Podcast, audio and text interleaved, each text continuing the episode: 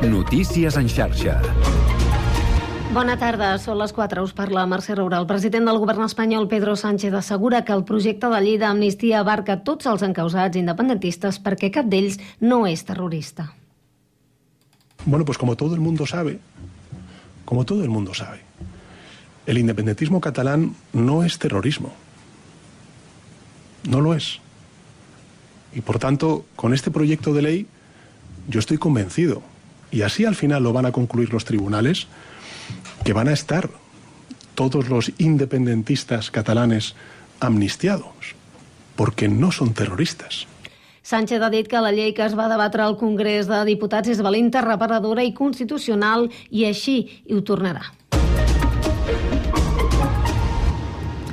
I el govern ha decretat avui dijous l'entrada en fase d'emergència al sistema Ter Llobregat, com us hem anat dient, del qual depenen 202 municipis i prop de 6 milions de persones. Pere Aragonès és el president de la Generalitat. Catalunya està patint la pitjor sequera del darrer segle. De fet, des de que es tenen registres en l'àmbit poliomètric, no havíem afrontat mai una sequera tan llarga i de tanta intensitat. En els darrers 40 mesos, el nivell de pluges ha estat extremadament reduït i, de fet, durant moltes setmanes no ha plogut gens a una bona part del país. De fet, arrosseguem més de 3 anys en els que no plou com el país necessita. Aquesta que ha començat avui és la fase 1 d'emergència. Se'n preveuen dues més, amb mesures més restrictives que s'activarien si continua sense ploure molt. Anem a més temes perquè estem molt pendents avui també d'una nova protesta dels agricultors francesos que torna a bloquejar la frontera i que obliga a tallar el trànsit a l'AP7 durant tot el matí. Els sindicats agrícoles s'han concentrat al viatge a Perpinyà des d'on han anat en marxa lenta amb un centenar de tractors cap al Boló.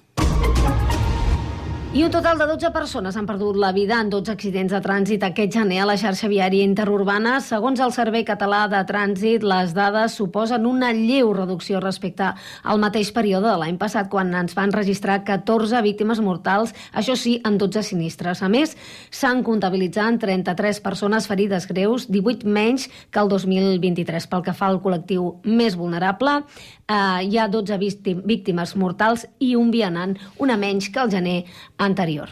És tot de moment, tornem amb més notícies en xarxa. Notícies en xarxa.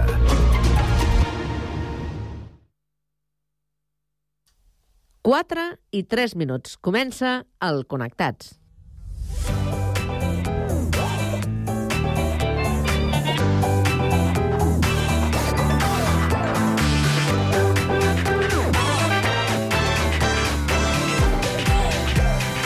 Connectats amb Carme Reversa.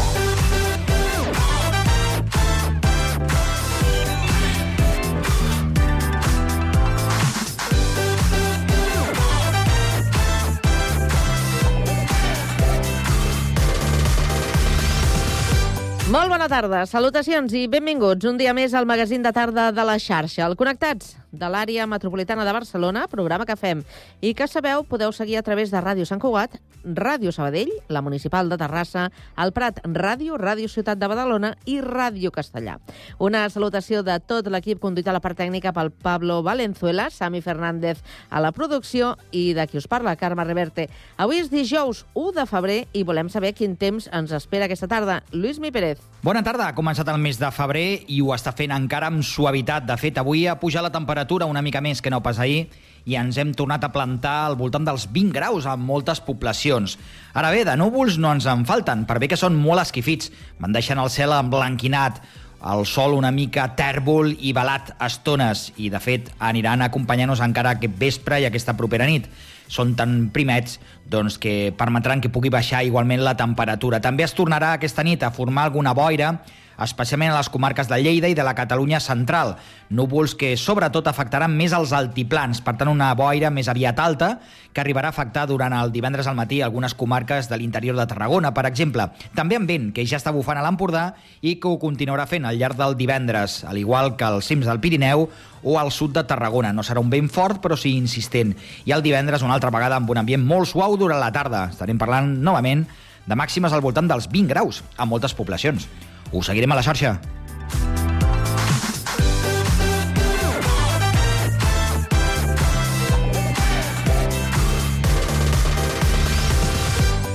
Doncs avui al Connectats parlarem d'una troballa per combatre el càncer de pulmó. En parlarem i ho farem amb Israel Canyades, eh, investigador pretenc que es troba als Estats Units. Acabarem aquesta primera hora amb la tertúlia generalista per analitzar la implantació del xip eh, cerebral i de les eh, novetats en el testament vital. A partir de les 5 coneixerem el Ball de Plaça de Castellà del Vallès i ho farem de la mà de la Meritxell eh, Tantinyà. Continuarem amb patrimoni per visitar el Museu Marilyn Monroe de Sant Cugat del Vallès. Acabarem amb cultura per interessar-nos pel Benidorm Fest, que aquesta nit celebra la segona semifinal. Tot això i més des d'ara i fins a les 6 de la tarda a la vostra emissora local. Connectats? Comencem. Kiss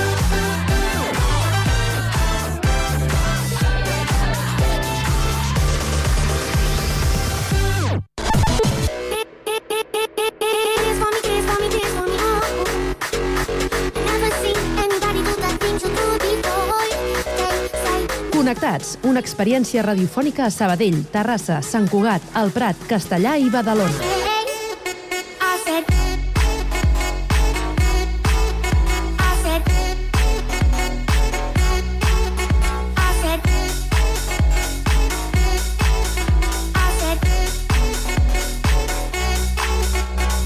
Connectats amb Carme Reverte.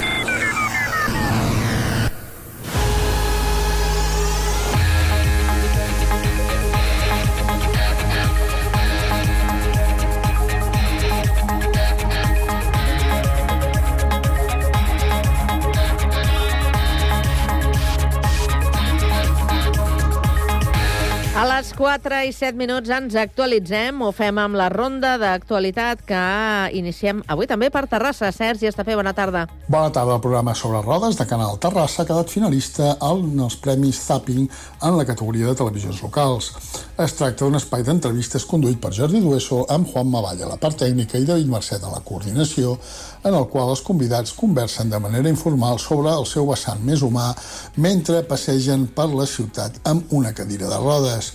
Entre els personatges que han passat al programa destaquen l'actor Pere Arquilloé, la cantant Gemma Humet, la coreògrafa Àngels Margarit, el periodista Lluís Caelles o la dissenyadora Mercè Paloma. Sobre Rodes compta amb 11 capítols de 25 minuts de durada cadascun que es van emetre setmanalment durant la primavera de 2023. El programa de Canal Terrassa competirà amb En Trànsit de Televisió de Badalona i Terra de Pa de televisions locals de la xarxa. La 29a edició dels Premis Sapping, atorgats per l'Associació de Consumidors de Mitjans Audiovisuals de Catalunya, se celebrarà el proper 6 de març a l'Auditori AXA de Barcelona. Gràcies, Sergi. I ara continuem per la CUC Capital, a Sabadell, avui que és notícia. Pau Duran, bona tarda. Bona tarda. 267 persones han aconseguit trobar feina amb el programa d'inserció laboral als barris de la zona del Ripoll i el districte Sisep. La fita suposa que dos de cada tres participants han arribat al seu objectiu. Han estat 436 els que han participat en alguna de les 7.312 accions fetes al Centre Cívic de Camp Puiggener, el de la Creu de Barberà i el de Torre Romeu. El regidor de Desenvolupament Econòmic, Antonio Rodríguez, diu que l'objectiu és no deixar ningú enrere. crear riquesa, contribuir a que la riquesa eh, es creï. Però també un objectiu fonamental és no deixar ningú enrere. I en alguns barris de la ciutat és cert que una situació és de, de que algunes persones es queden enrere. Hi ha un objectiu social fonamental i hi ha un objectiu eh, redistributiu que és importantíssim, que és no deixem cap persona enrere. I en aquest sentit, aquest pla de barris és un element fonamental per no deixar cap persona enrere. Enguany s'espera arribar a 600 persones que rebin aquest acompanyament. L'Ajuntament demana que s'actualitzin les dades socioeconòmiques de la Generalitat per si es pot incloure algun barri més al pla subvencionat del Servei d'Ocupació de Catalunya. De moment hi participen els empadronats als barris de Campo Amor, Espronceda, Les Termes, la Creu de Barberà, Camp Puiggener, Torre Romeu, Poble Nou, el Raval d'Amàlia i Can Roqueta. Gràcies, Pau. I ara anem fins al litoral. Des de Badalona ens informa Andrea Romera. Bona tarda. Bona tarda, Carme. L'alcalde Xavier García Albiol ha avançat al programa Badalona 360 de Televisió de Badalona un nou calendari per reobrir el pont del petroli. L'inici d'obres serà a l'abril del 2025 i estaran finalitzades l'octubre del mateix any. Si fa 10 dies el govern admetia que veia difícil enllestir les obres del pont del petroli aquest 2024, ahir dimecres l'alcalde ho confirmava. Assegura que les obres no podran començar fins a l'abril del 2025 i, per tant, la previsió actual és reinaugurar la insígnia del litoral badaloní sis mesos més tard, és a dir, l'octubre del 2025.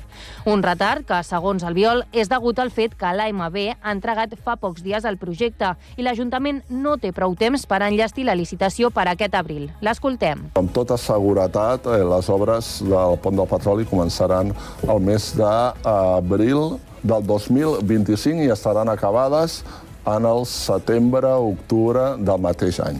I per què? Perquè l'àrea metropolitana, que és la que ens ha acabat de fer el projecte, ens l'ha entregat ara fa ni 10 dies. Recordem que les obres de remodelació només es poden dur a terme entre els mesos d'abril i octubre per minimitzar els riscos de patir les conseqüències d'un temporal. Gràcies, Andrea. Seguim precisament al litoral, una mica més al sud. Des del Prat de Llobregat ens informa Lluís Rodríguez. Bona tarda. Bona tarda. L'establiment pretén que el Pere Tarrida és un dels cinc finalistes dels Premis a millor vermuteria de Catalunya, binari dels vermuts catalans, que organitza anualment el Digital Badaví.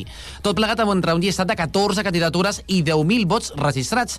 Hi ha l'any en què l'emblemàtic local del carrer Jaume Casanovas al Prat celebra el seu centenari. Una història que remunta a l'any 1904, quan l'avi va començar a vendre vi a la pagesia, però també a les persones que treballaven a la seda i la paperera. De fet, els germans Tarrida continuen oferint avui en dia aquest vermut amb la recepta de l'avi, un secret ben guardat a una bota, on es conserven fins a 12.000 litres. És vi blanc macerat amb herbes i cada un posa les herbes que vol. Jo sempre dic una cosa, no hi ha bon vermut ni mal vermut, hi ha vermut diferent. Val?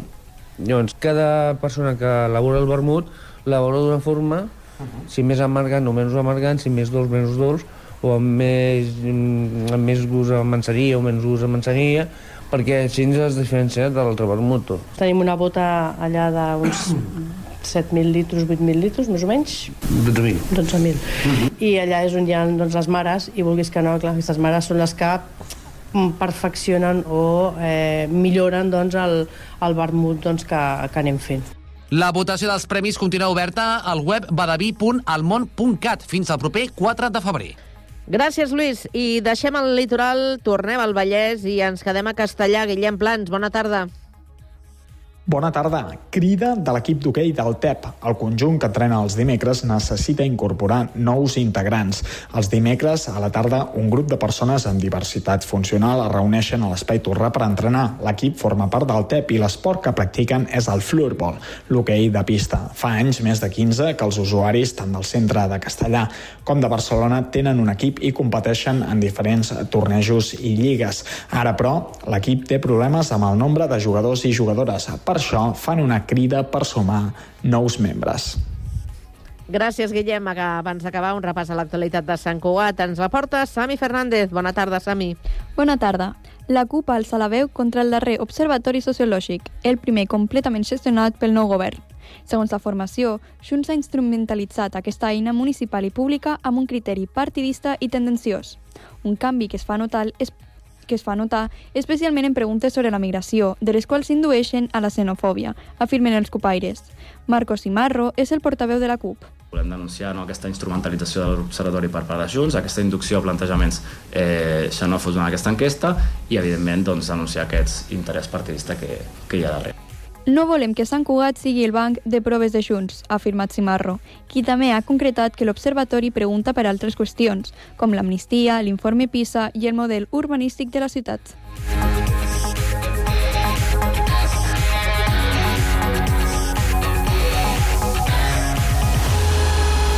A la tarda no et desconnectis. A la teva ràdio local, connectats. Can't touch this. Can't touch this.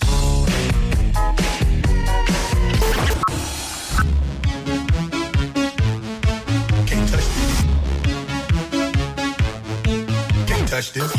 Connectats amb Carme Rebell.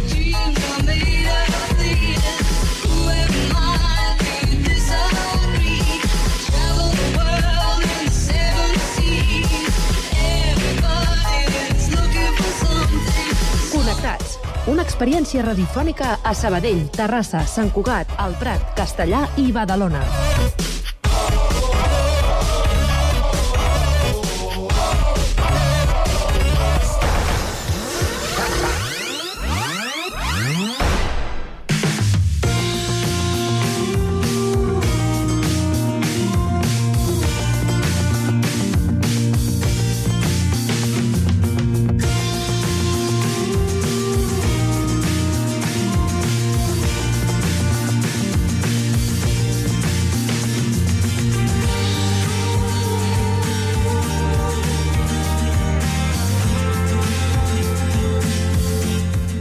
L'investigador pretenc Israel Canyades ha trobat un mecanisme que activa el sistema immunitari perquè ataqui tumors amagats. La troballa publicada recentment a Cancer Discovery es podria utilitzar per desenvolupar fàrmacs que fossin efectius contra el càncer de pulmó de cèl·lules petites per primera vegada. Marxem cap als estudis del Prat Ràdio on tenim a punt el Luis Rodríguez Alonso. Bona tarda, Luis. Bona tarda. Canyades és professor adjunt del programa de recerca en dinàmica, en dinàmica nuclear i càncer de la Fox Chase Center, eh, Cancer Center a Filadèlfia, als Estats Units, i lidera l'equip d'investigació que ha fet aquesta investigació, de fet. Connectem amb ell a, a directe. Què tal, com estàs? Bona Hola, tarda, bon dia. Ara mateix no sé quina hora és allà mateix als Estats Units. Aquí ara a les 11, o sigui... Les 11 del matí, bon dia, doncs, podríem dir. Uh, Bona tarda doncs, tu ets doctor en biomedicina especialitzat en càncer. Des del 2015 ets allà als Estats Units, eh, primer a Boston, on vas fer una estada postdoctoral al Dana-Farber Cancer Institute de Harvard, i des del 2020 amb el teu propi grup de recerca al Fox Chase Center, a Cancer Center, perdó, de, de Filadèlfia. Com ha anat tota aquesta experiència? Sí, molt bé, sí, sí, ja portem uns anys aquí. Eh, vam, vam anar primer a, a Boston a fer el meu postdoctor, postdoctoral, després de, de fer el, el doctorat a, a Barcelona, uh -huh. i ja vaig estar allà quatre anys i després ja ens van moure aquí a, a Filadèlfia per començar el meu laboratori i per ara molt bé, la veritat que he disfrutat molt de l'experiència, aprenent moltíssim i sí, en general tot molt bé. Uh -huh. Me'n recordo que vam parlar amb tu el 2019 al a propòsit doncs, de- de- d'aquesta investigació que estaves fent a, a Boston amb aquest eh, postdoctorat i que estava relacionat amb la immunoteràpia. Explica'ns què és aquesta immunoteràpia, com funciona Sí, això. Sí, la, la immunoteràpia és, és la nova teràpia per tractar el càncer, que bàsicament el que fas és eh, fer que el teu sistema immune ataqui el càncer, perquè normalment el, les cèl·lules tumorals eh, són atacades pel sistema immune, o sigui, el, el nostre sistema immune està preparat per reconèixer qualsevol cèl·lula tumoral i destruir-la, no? El que passa que les cèl·lules tumorals aconsegueixen trobar la forma de poder amagar-se o protegir-se de l'atac immune i llavors per aquest motiu creixen i formen un tumor i poden formar metàstasis i tot això. No? Llavors el que es fa amb la immunoteràpia és fer que, que el sistema immune pugui reconèixer i destruir les cèl·lules tumorals un altre cop. I llavors ja, ja no és una teràpia que ataca directament les cèl·lules tumorals, sinó que el que fa és fer que el sistema immune ataqui les cèl·lules tumorals. I això és molt, eh, té, és, és, és molt bo perquè el sistema immune pot trobar les cèl·lules tumorals allà on siguin. Eh, vol dir que, que fins i tot eh, poden atacar metàstasis, que és un dels problemes del, del el, el problema principal del càncer, no? les metàstasis que són les que al final produeixen la mort dels pacients. Sigui que és, un, és un, un, una teràpia en la que tenim molta esperança i que en molts pacients funciona molt bé. Uh -huh. uh, en aquesta doncs, investigació que, que estàs eh, duent a terme, en la, que s'ha publicat ara la Cancer Discovery, de fet, uh, doncs, eh, ja parlaves de uh, com, com es fa això, no?, amb aquestes cèl·lules, perdó, amb, aquestes, amb aquests tumors amagats, no?, podríem dir? Uh -huh. Com funciona això? És a dir, com, primer de tot, eh, com arribes fins a aquesta investigació? Sí, nosaltres eh, investiguem un tipus de, de càncer de pulmó que es diu càncer de pulmó de cèl·lula petita. Eh, uh -huh. És el càncer de pulmó més agressiu que, que hi ha. molt metastàtic, resistent a quasi totes les teràpies i, i és un dels clàssics tumors que es coneixen com càncers freds, eh, que això vol dir que són càncers que es poden amagar del sistema immune. Llavors, Vale. normalment les cèl·lules immunes no poden reconèixer aquests tumors i llavors els tumors poden créixer sense, sense control. No? Eh, llavors, nosaltres al nostre laboratori el que, el que volem és eh, veure eh, noves teràpies que, que facin que aquests tumors pu puguin ser reconeguts un altre cop pel sistema immune i així que la immunoteràpia pugui funcionar, perquè normalment en aquests tipus de càncer la immunoteràpia no, no funciona gaire bé. Llavors, eh, vam, vam començar a fer alguns estudis genètics, eh, cribatges genètics, i vam trobar eh, un gen concret que es diu eh, de, eh, eh, en anglès és DSH9, eh, eh, DHX9, i aquest, aquest gen, bàsicament, quan el eliminem, eh, el que fa és que aquestes cèl·lules tumorals activen el sistema immune eh, d'una forma molt similar com si estiguessin infectades per un virus. Per Mhm. això que eh, coneixem això com mimetisme viral i és un concepte nou que, que té molt, en el camp científic eh, molta gent està interessada i bàsicament és això, o sigui, aconseguim trobar una, una forma perquè aquestes cèl·lules tumorals es comportin com si estiguessin infectades per un virus Mhm. sense estar infectades per un virus, de manera que, que activen el sistema immune i llavors les cèl·lules immunes reconeixen aquestes cèl·lules tumorals i les, i les eliminen. Mhm.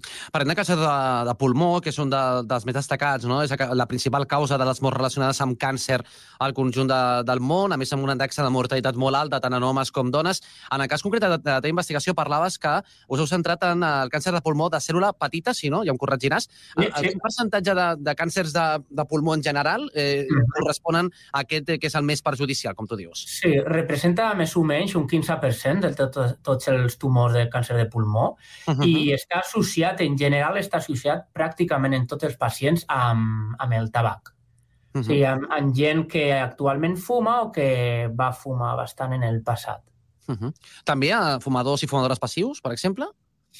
Uh, no tant. O sigui, pot, eh, pot passar, però sobretot és molt comú en gent que ha fumat i bastant. O sigui, és Mhm. molt, està molt associat, associat al, al tabac. Mhm. I amb els fumadors passius pot passar, però no és tan, tan comú. Uh -huh. Aleshores, eh, per tant, amb aquestes xifres, què és el que suposa la vostra troballa, per exemple? O sigui, Podríem dir suposa que, que- o sigui, el 15% dels càncers totals es podrien doncs, arribar a, no sé si curar, seria la paraula, o, Clar. o què? Clar, la, aquesta és la nostra esperança. Encara és aviat per, per, per saber si, si amb, aix, amb aquesta teràpia ho podrem curar, però és l'esperança.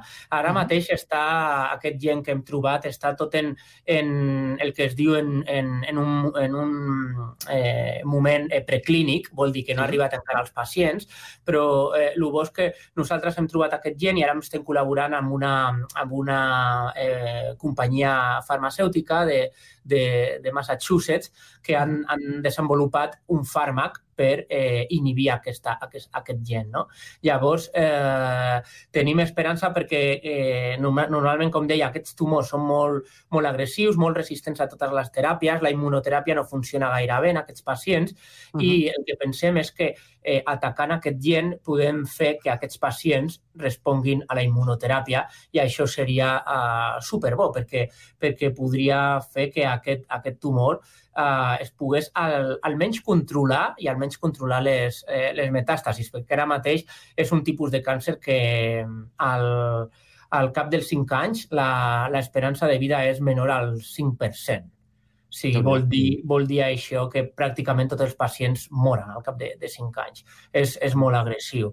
Llavors tenim, tenim molta esperança i creiem que, que la clau està en això, en aconseguir que el sistema immune pugui atacar aquest tumor i, i destruir les cèl·lules allà on estiguin, perquè és, a més, un tumor molt meta, un càncer molt metastàtic. O sigui, és molt comú que les cèl·lules vagin a, molt, a diferents parts del, del cos del pacient.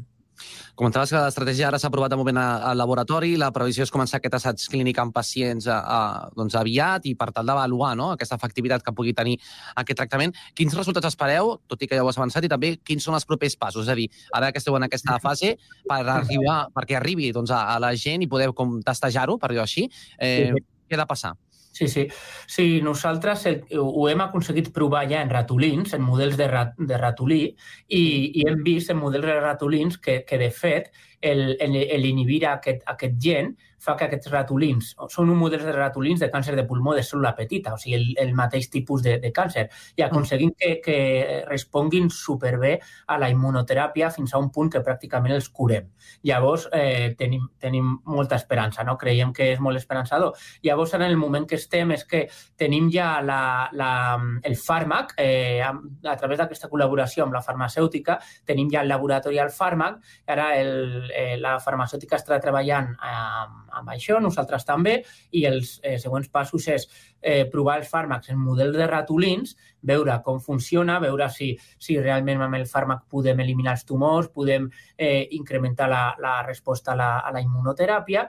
I, i un cop això, el següent pas serà eh, començar a organitzar eh, assajos clínics, el que es diu un, fas, un assaig clínic de fase 1, que és el, el primer que, que es fa per veure que el fàrmac és segur i que, i que es pot, eh, es pot eh, donar amb seguretat als, als pacients sense provocar massa efectes secundaris. Uh -huh. Això com funciona? És a dir, com es farà, això? I quan, O oh, també, sigui- si se sap més o menys, eh? El, el, el temps és, és com una mica difícil encara saber-ho. Tenim esperances que, que aviat, però això, això dependrà molt de la farmacèutica. Això és el que la farmacèutica està fent i lo, i lo bo del nostre centre d'investigació és que, a part de tenir els laboratoris, tenim un hospital. Llavors, la, la nostra idea és poder col·laborar amb la farmacèutica per, almenys part de l'assaig clínic, poder-ho fer aquí al, al nostre centre amb pacients de, de càncer de pulmó de, de cèl·lula petita. I, pràcticament, i, I bàsicament com es fa és, es comença normalment amb dosis molt baixes, eh, es fa primer una selecció de pacients de diferents tipus de... En els assajos fa, eh, fase 1, vu- vull dir, es fa primer uns, eh, una selecció dels pacients eh, de diferents tipus de, de càncer i, i el primer que es fa és eh, començar dosis molt baixes i anant a poc a poc, a poc, a poc eh, escalant aquestes dosis a concentracions més altes perquè l'important primer és veure que, que, o sigui, que és segur eh, tractar els pacients i que, que els efectes secundaris són eh, controlables. Llavors han de començar amb, amb dosis molt baixes i a poc a poc eh, se'n va incrementant. A A, més, la vegada, a, perdona, i a la, a la vegada també es veu com, com és, eh, eh, quina és els efectes en el tumor. O sigui, si, si es veu que es disminueix el, la massa tumoral, les metàstasis i tot això. Uh -huh. um, volia preguntar també, això, clar, la immunoteràpia eh, és com una mesura que va més enllà o potser serà, és més saludable no? per, a, per als, als i les pacients eh, respecte doncs, a d'altres, que suposo que és la que s'aplica habitualment quan hi ha un càncer de pulmó, que és la quimioteràpia, no? Sí, sí, exacte, exacte. La, la immunoteràpia, encara que pot tenir també eh, efectes secundaris, no, no és el mateix com la quimio, que, que la quimioteràpia són teràpies molt tòxiques, no només per les cèl·lules tumorals, sinó per, per, per tot el cos humà, no?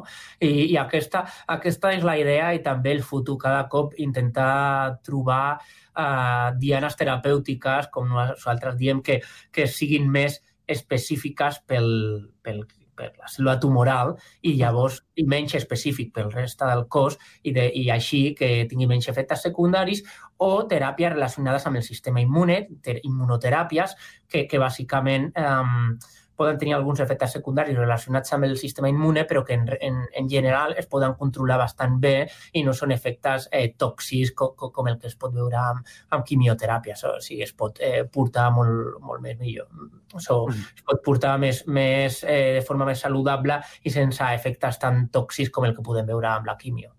Uh -huh. Israel, volia preguntar també, aquest mimetisme viral que comentaves, no? que és el que feu amb aquest experiment eh, d'aquesta troballa que heu, que heu tret ara mateix eh, i que heu publicat, eh, podria extrapolar-se a, a d'altres tipus de càncer de pulmó? Per exemple, tu parlaves que us heu centralitzat en les cèl·lules petites, però es podria després estendre a la resta de càncers de pulmó o de càncers en general? Sí, sí, eh, sí, sí, segur, segur. De fet, a qualsevol tipus de, de càncer. Igual no funciona en tots els càncers, però creiem que en molts, perquè bàsicament aquest mimetisme viral eh, el, que, el que fem és que a les cèl·lules tumorals s'acumulin eh, unes molècules d'ARN que es poden acumular de forma, de forma natural en qualsevol de les nostres cèl·lules de forma molt baixa, però nosaltres el que fem és que la cèl·lula tumoral, a través de diferents fàrmacs, produïm una acumulació molt gran d'aquest eh, ARN i la clau d'això és que aquest ARN és un ARN que és molt comú en molts virus. I això què vol dir? Que qualsevol cèl·lula del nostre cos està equipada amb totes les eines necessàries per reconèixer aquest ARN, que és típic de virus, i activar el sistema immune, no? Perquè si una cèl·lula està infectada per un virus, activa, activarà el sistema immune perquè el sistema immune vagi cap a aquesta cèl·lula i la, i la elimini, no? Perquè està infectada per un virus. Llavors, és una, eh, es diu mimetisme perquè és la mateixa idea de, de, de, a, a través de diferents eh, drogues, eh, diferents fàrmacs, que no és un virus, aconseguim que s'acumuli aquest ARN a la, a la cèl·lula tumoral i llavors, com que la cèl·lula tumoral té les eines per reconèixer aquest ARN, el, el reconeixerà i el que fa és activar el sistema immune. I llavors el sistema immune destruirà, destruirà aquestes, aquestes cèl·lules tumorals. De fet, que això es pot fer en qualsevol eh, tipus de, de, de càncer. No vol dir que tots eh, funcioni, però eh, el que vol dir que pot ser bastant extrapolable a qualsevol tipus, no només pulmó, però qualsevol, de fet. Uh -huh. Ara mateix amb, estàs amb aquesta investigació, jo no sé si també aniran per aquí els tirs, no?, de, de, de futures recerques que, que, que vulguis fer, també tu. Sí, sí, clar, nosaltres estem molt interessats en, en tot aquest eh, camp de, de, la, de la biologia del, del càncer, la immunologia, i sí, sí, el, eh, volem trobar, de fet, eh, més enllà del gen que ja hem trobat, altres mecanismes, eh, altres formes de fer que aquest, eh, que aquest mimetisme viral es pugui activar en les cèl·lules tumorals com a, com a mecanisme eh, per atacar les cèl·lules tumorals i eliminar-les. Uh -huh. I creiem, creiem realment que pot ser una, una diana terapèutica pel futur bastant eh, prometedora. Israel, moltíssimes gràcies per atendre'ns. Eh, en el teu cas, bon dia, per nosaltres, bona tarda. Sí, sí, moltes gràcies, gràcies pel vostre interès, el vostre temps i sí, jo sempre encantat de parlar amb vosaltres i bona tarda. Bona tarda.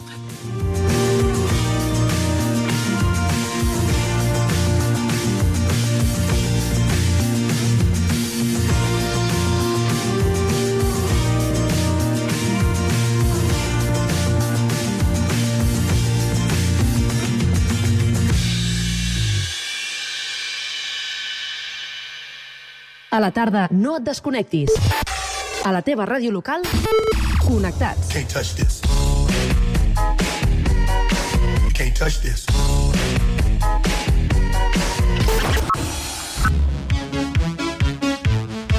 Can't touch this. Can't touch this. Connectats amb Carme Rebell.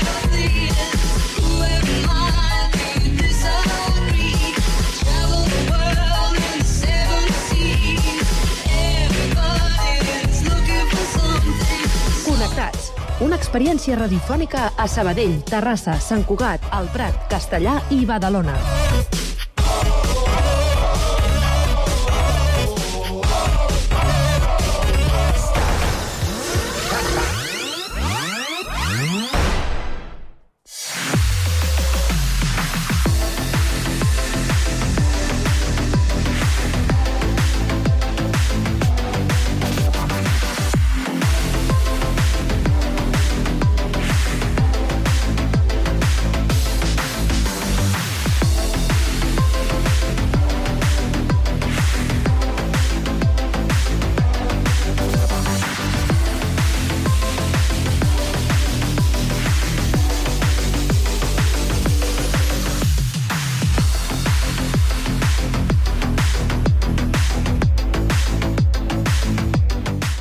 Passen 3 minuts de dos quarts de 5 de la tarda i ara és temps per a l'opinió, la tertúlia a tres bandes, que avui la compartirem amb el Xavier Soleil, que és director de la residència de gent gran de Santa Coloma, i el tenim, com sempre, a Badalona.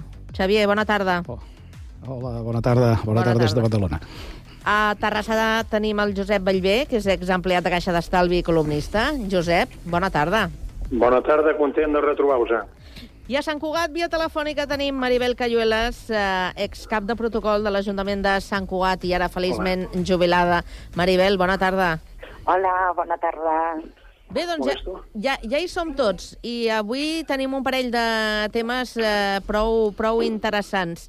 Eh, estem acostumats, eh, ara que estan de moda les sèries, a, a veure doncs, sèries eh, distòpiques, a, eh, el, el, pensar en el futur, podríem dir, però sembla que el futur cada vegada és més proper, no? És més, com, com més present, sobretot eh, si ens fixem en, eh, en proves, en notícies, com aquesta que, que protagonitza el magnat Elon Musk, que a més és propietari de, ja sabeu, de Tesla, de la xarxa X, de Neuralink, que és l'empresa que sembla que ha implantat amb èxit un xip cerebral a, a una persona. D'aquí que parlava jo del tema de les distopies. És un xip que el que fa és que la persona hi pugui interactuar amb el telèfon i els ordinadors eh, només amb el pensament. I per què està pensat eh, aquest xip? Doncs perquè ho puguin utilitzar persones amb tetraplègia, amb esclerosi lateral múltiple, és a dir, que té una utilitat que, que ens, ens pot convèncer, eh? ens pot eh, satisfer. Jo no sé a vosaltres, quan veieu notícies d'aquest tipus, i a més anunciades per aquest eh, magnat Elon Musk, eh, com... Quina és la vostra reacció, el, el vostre primer pensament, Xavier? Caram, doncs que, que cada vegada, escolta, la carrera de la, de la tecnologia i de la tecnologia, de la tecnocientífica, no?, per dir-ho així, és cada vegada més, més, més ràpida, no? I, però clar, és que, de fet, és, és brutal, vull dir, mm, ens sembla normal tenir ara, en aquest moment, doncs, no sé, un telèfon mòbil que et reconegui, s'encengui, si et reconeix la, la cara, no? O, per exemple, tenir, no sé, o, o parlar amb un aparato que t'ha de passar, diguéssim, eh, t'ha de, de escombrar o t'ha de passar l'aspiradora, doncs di- dient-li que, que, es, que es compri, no? I que, per tant, de- amb la veu es posi a funcionar. I això ara ja ens sembla normal. Clar, dius, jo crec que d'aquí quatre dies sembla, eh, serà normal introduir aquests neuro, aquests xips cerebrals, no? Perquè doncs hi hagi persones amb unes dificultats eh, evident, una de persona tetraplègica o una persona amb, afectada amb, amb la síndrome de Down que pugui, que pugui després eh, comunicar-se, que pugui doncs, eh, tenir interrelacionar-se. Eh, això, és, això és brutal. Vull dir, jo conec de molt a prop persones amb, amb tetraplègia que realment, segurament ara, si els hi preguntés, estarien disposades a dir, escolta, ja me'l podeu introduir demà, eh, demà passat. Vull dir, perquè... Eh, i, i és que, clar, és, és, aquests avenços cada vegada són, són més exponencials, no? I, i és que hem de pensar, i estem pensant, escolta, fa encara no 50 anys s'ha inventat l'internet i, i, escolta, i podem parlar dels primers portàtils, els primers ordinadors de, de, de, de l'any 81, 82. Sí, sí. Uh, Imagineu-vos, no? Amb, amb 40 o 50 anys el que hem, estem avançant i, el, i, i jo m'imagino que d'aquí 30 o 40 anys això que ara estem parlant ara, del xip neuronal, serà una cosa que diu, sí, home, sí, l'any 24 l'Elon Musk famós es va, eh, va treure d'una de les seves empreses aquesta, això que ens semblarà superadíssim, no? Això ja. És, és brutal, és brutal. Maribel, et fa, Hola. fa, fa por això o no? A mi, no. no. A veure, jo haig de dir que d'entrada sempre estic a favor de la ciència. S'han fet molts avenços fantàstics en medicina. Uh, amb això, més aviat es tracta de com s'aplica uh, mm. aquesta cosa nova que ha sortit i de regular-ho, perquè amb això moltes vegades van tard. Uh, no sé, jo veig que, que a més a més, uh, pel que vaig uh, escoltar amb la notícia, és molt fàcil de fer, o sigui, més es tracta de tenir diners. Tu compres el robot que t'ho fa tot i, i després compres el xip. I ale, ja està. Mm, només que, bueno, a mi m'agradaria que trobessin, de fet ja s'ha trobat, eh? Em sembla que es diu els exoesquelets o així. Sí. Vull dir, que poguessin caminar i que poguessin recuperar doncs, la mobilitat. Però per dir por de que m'implantin un xip... I... No, no, no. Eh, no fa cap por.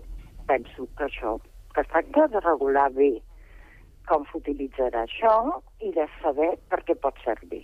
Si només pot servir per això i no es pot fer servir per una altra cosa, doncs perfecte. En benefici de les persones, que és el que es busca quan es fan aquests eh, avenços, que ens ajudin, no?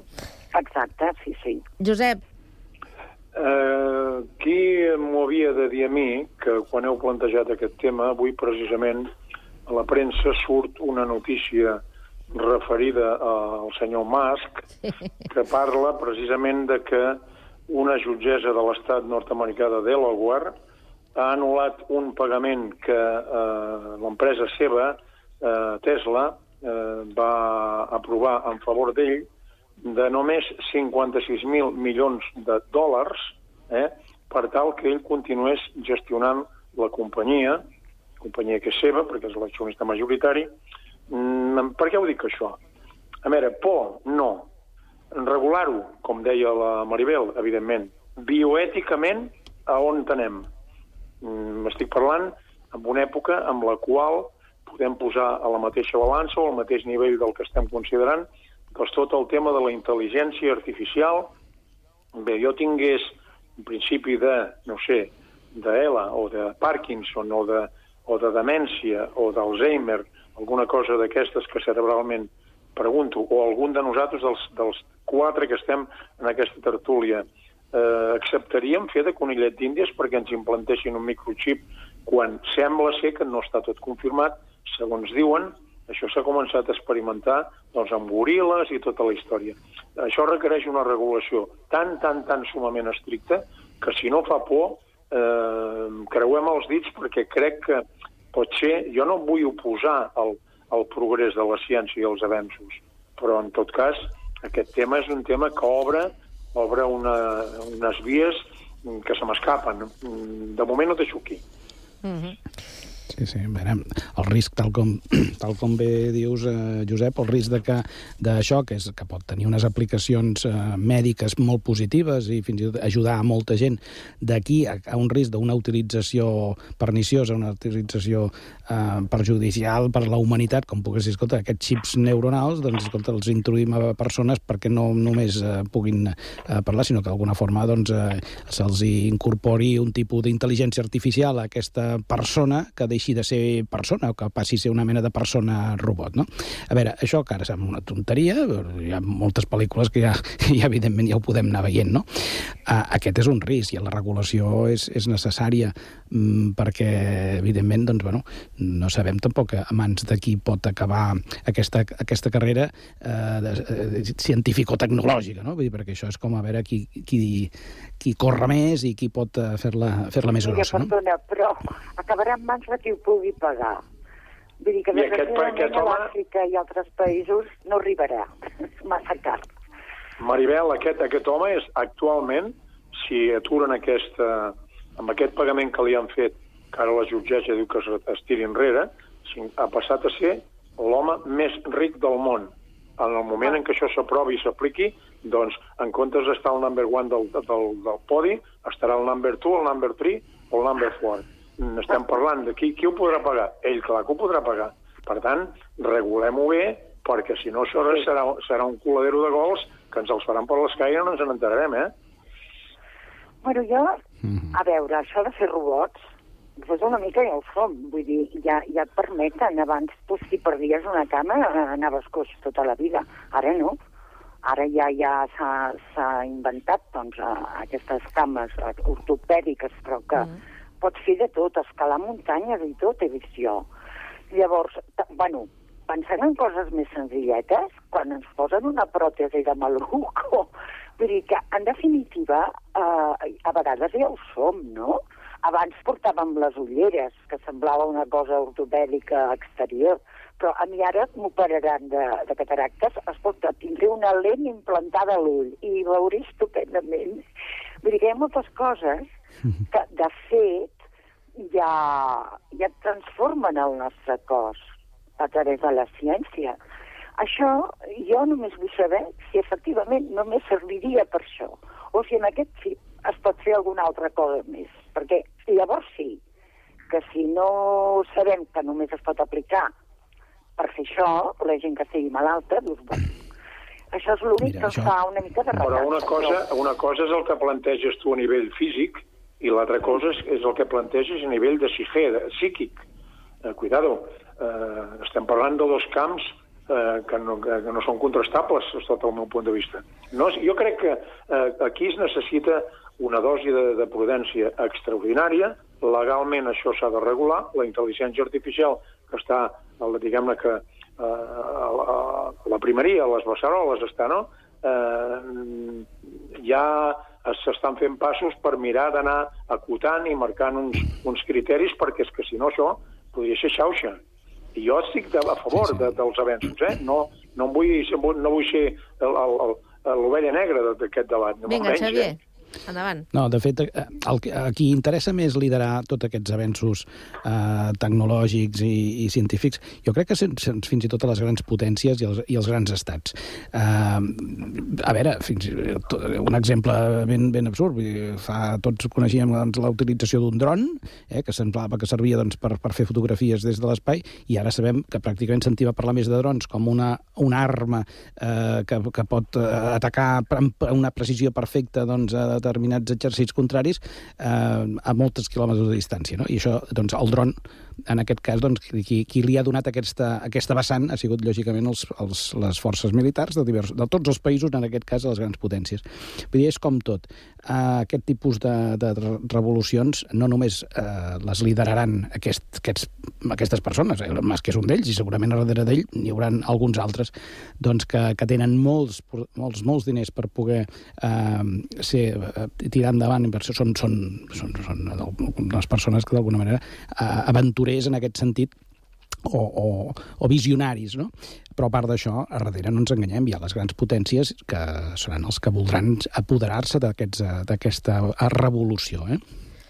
El que passa és que segurament eh, ens passa com amb, amb tot, la desconeixença, perquè encara no s'ha avançat eh, prou. Serà una qüestió de, de temps, i aquesta desconeixença que, que tenim ara és la que ens fa ser una mica eh, més, més, més cautes, no? O, o, o no tenir tota la confiança perquè de- d'avenços, com heu parlat, eh, n'hi ha hagut eh, durant tota la, la humanitat i tampoc no podem dir que ara estiguem tan, tan malament, no?, segons en quines coses eh, pensem. Per tant, és una qüestió de temps, també. Sí, Se- sí. se I li haurà això de va bé donar per temps. ajudar... Maria... No, si això va bé per ajudar una persona tetraplègica, una persona amb, Mm. amb síndrome de L, escolta'm, benvingut, ja- benvingut. Sí, sí. Ja? Maribel. Sí, no me recordo ara què t'anava a dir. Què has dit? Vinga, pues, a, a, a, Josep, Josep, vinga, dispara. Una mica replicar-te no, no, tu, Carme, no me recordo. Però quan te'n recordes tu Amb mateixa. el que deia en Xavier, eh, de, de, de cara als avenços no podem, no podem posar-hi l'esquena, ni molt menys. El que deies tu, Carme, de que la, la humanitat va avançant, és evident que ara, amb les noves tecnologies que de fa una sèrie d'anys doncs, eh, creixen una velocitat de, de vertigen, doncs els avenços són molt més ràpids en molt menys temps.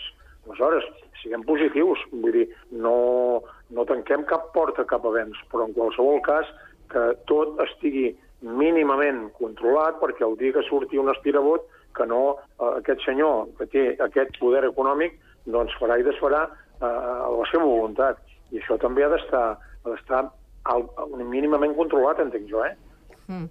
Ai, Carme, ja me recordo. Vinga. Tu has parlat de que tenim desconfiança. Sí, Ah, perquè bé, encara ja- no coneixem el, ben bé el, on, on anem a patar amb tot això. Sí, però a més de que no coneixem, ja han viscut eh, doncs que la corrupció està a tot arreu, no? Mm. Llavors també és aquesta sensació de dir, bueno, vale, de moment ho regulen, ho fan així, només eh, ho poden tenir doncs, als hospitals o no sé què, però bueno, ja sabem que, que els diners ho compren tot. Llavors, doncs, eh, em sembla que també tenim a vegades una mica de recança perquè eh, som desconfiats i amb motiu i, i és això, no? Perquè si ti et diuen, mira, escolta, tu és que fas tetrapègic i et faràs de conillet d'Índia i et posarem un xip. Jo diria que sí, perquè sí. pitjor de lo que estic segurament no puc estar. Si amb aquest xip, si funciona, eh, doncs com a mínim podré a través de la ment actuar i si no funciona, doncs estaré com fins ara. Clar. Jo, mm, bueno, sobretot això d'implantar un xip al cervell, com que s'ha dit tantes vegades, no? Allò col·loquialment i... I a les "Ah, pel·lícules, i a les pel·lícules ho xip". hem vist, clar. I, I resulta que ara ho tenim molt, molt en contra, però jo no. Jo penso que la ciència, eh, de fet, se l'hauria d'escoltar més, se l'hauria de patrocinar més i, i s'hauria d'invertir més. Perquè, eh, de moment, hem demostrat que, que la investigació és bàsica pel nostre benestar. Mm -hmm. mm, no sé si voleu afegir alguna cosa molt ràpidament, perquè si no canviarem de, de tema. Sí? Canviem no. de tema? Canviem de tema. Perfecte, perfecte. Eh, el que de moment és inevitable és que tots acabarem al mateix lloc. Vull dir que tard o d'hora cadascú li arribarà en el seu moment i estem parlant de, de, de la mort. Ja sabeu que a partir d'ara el testament eh, vital, que s'han aprovat eh, unes modificacions que semblen realment eh, interessants, eh, es podrà fer només eh, anant al CAP o en el teu hospital de, de referència. No eh, caldrà ni anar a la notaria ni presentar tres testimonis, com s'havia previst en un principi. Vull dir que mm, és un exemple aquesta vegada que les lleis i la feina eh, es pot fer d'una manera diligent, pràctica i que realment eh, ajuda eh, i serveix a la, a la ciutadania. Testament vital es podrà fer només al CAP. Aquesta és la simplicitat eh, que es podrà eh, fer a partir d'aquesta primavera. Què us sembla la notícia? Home, jo dic que ja Fantàstic. era hora, eh? Tu dius que han sigut diligents.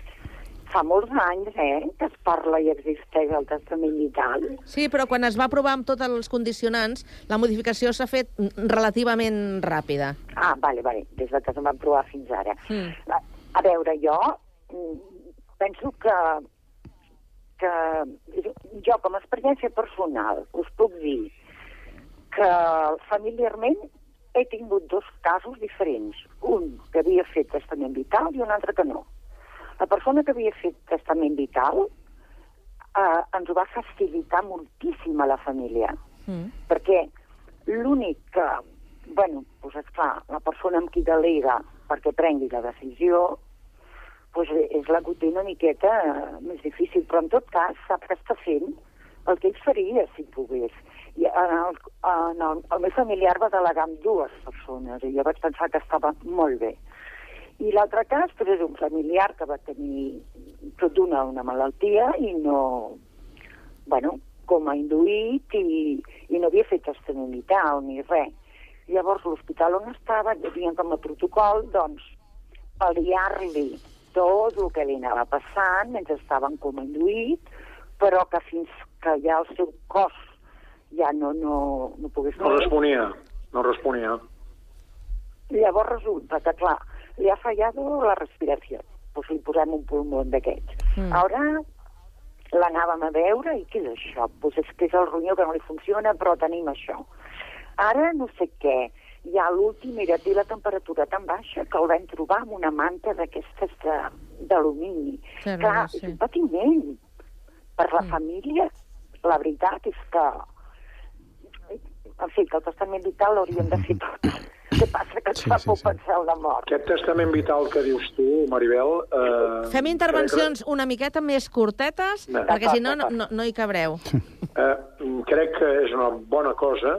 Si aquí Catalunya diu que és la comunitat de les 17 que hi ha a tot Espanya, que hi ha més gent que ho ha fet, es parla de poc més de 100.000 persones, és un tema que s'ha d'explicar en públic molt ben explicat, eh, començant des de l'escola, com aquell qui diu, i a partir d'aquí, d'alguna manera, fins i tot posaria en el mateix nivell doncs, el tema de eh, negociacions entre el poder polític i l'Església, que malgrat que l'Estat sigui aconfessional, té un poder terrible, amb el tema de l'eutanàsia, el tema de l'avortament, i regulem-ho tot com Déu mana.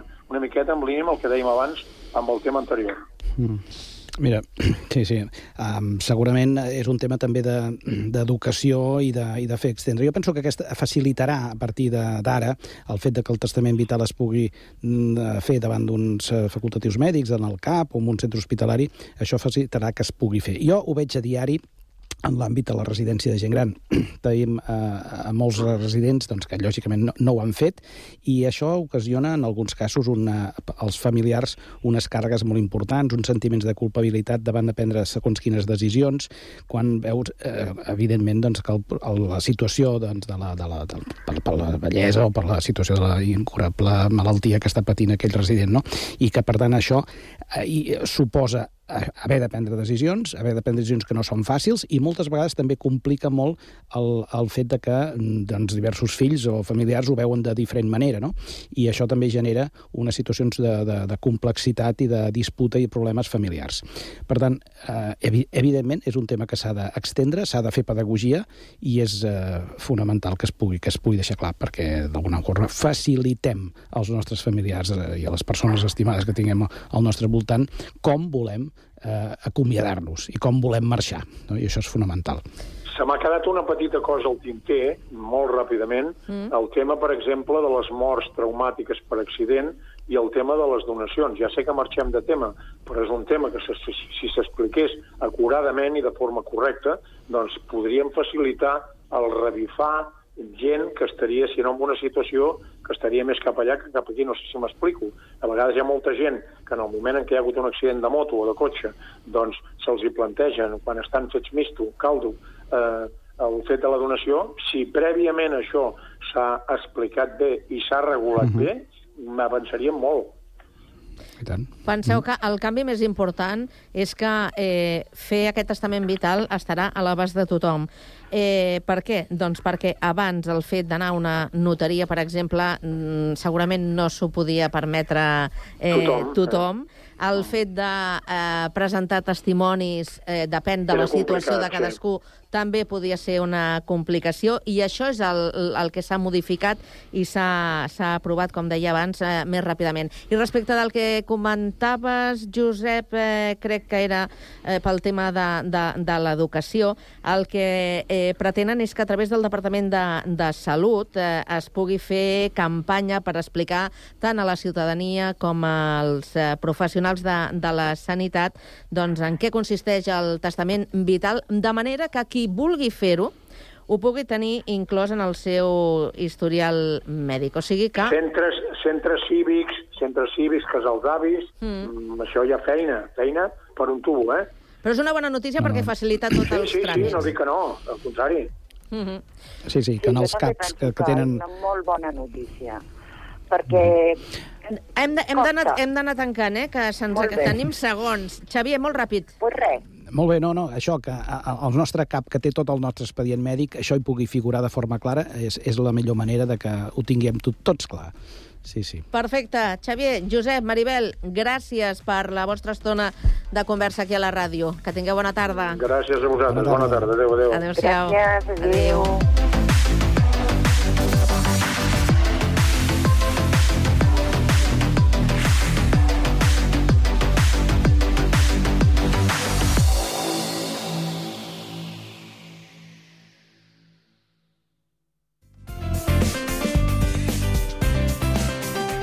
Ràdio Sant Cugat, Cugat Mèdia, 91.5 FM.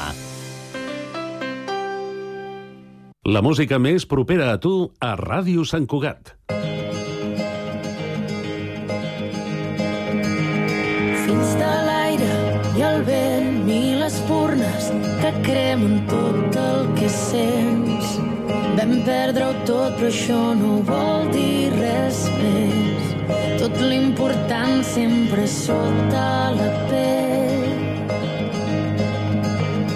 Totes les preguntes i totes les respostes són fruit del que respires, de com veiem les coses, anem canviant i el temps no deixa de ballar.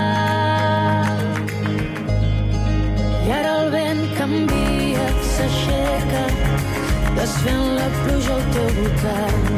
Desperta, tot va canviant i gira el món de pressa. Tot va passant dins els teus ulls.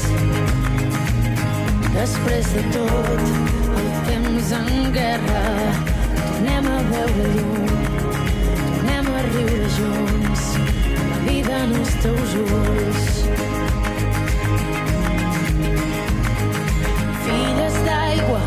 Argent, mil engrunes, ja no podem perdre el temps.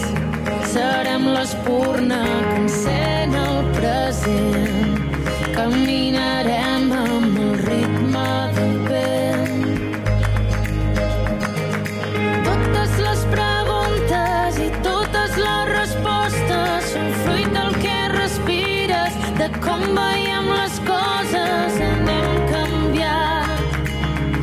temps no deixa de ballar.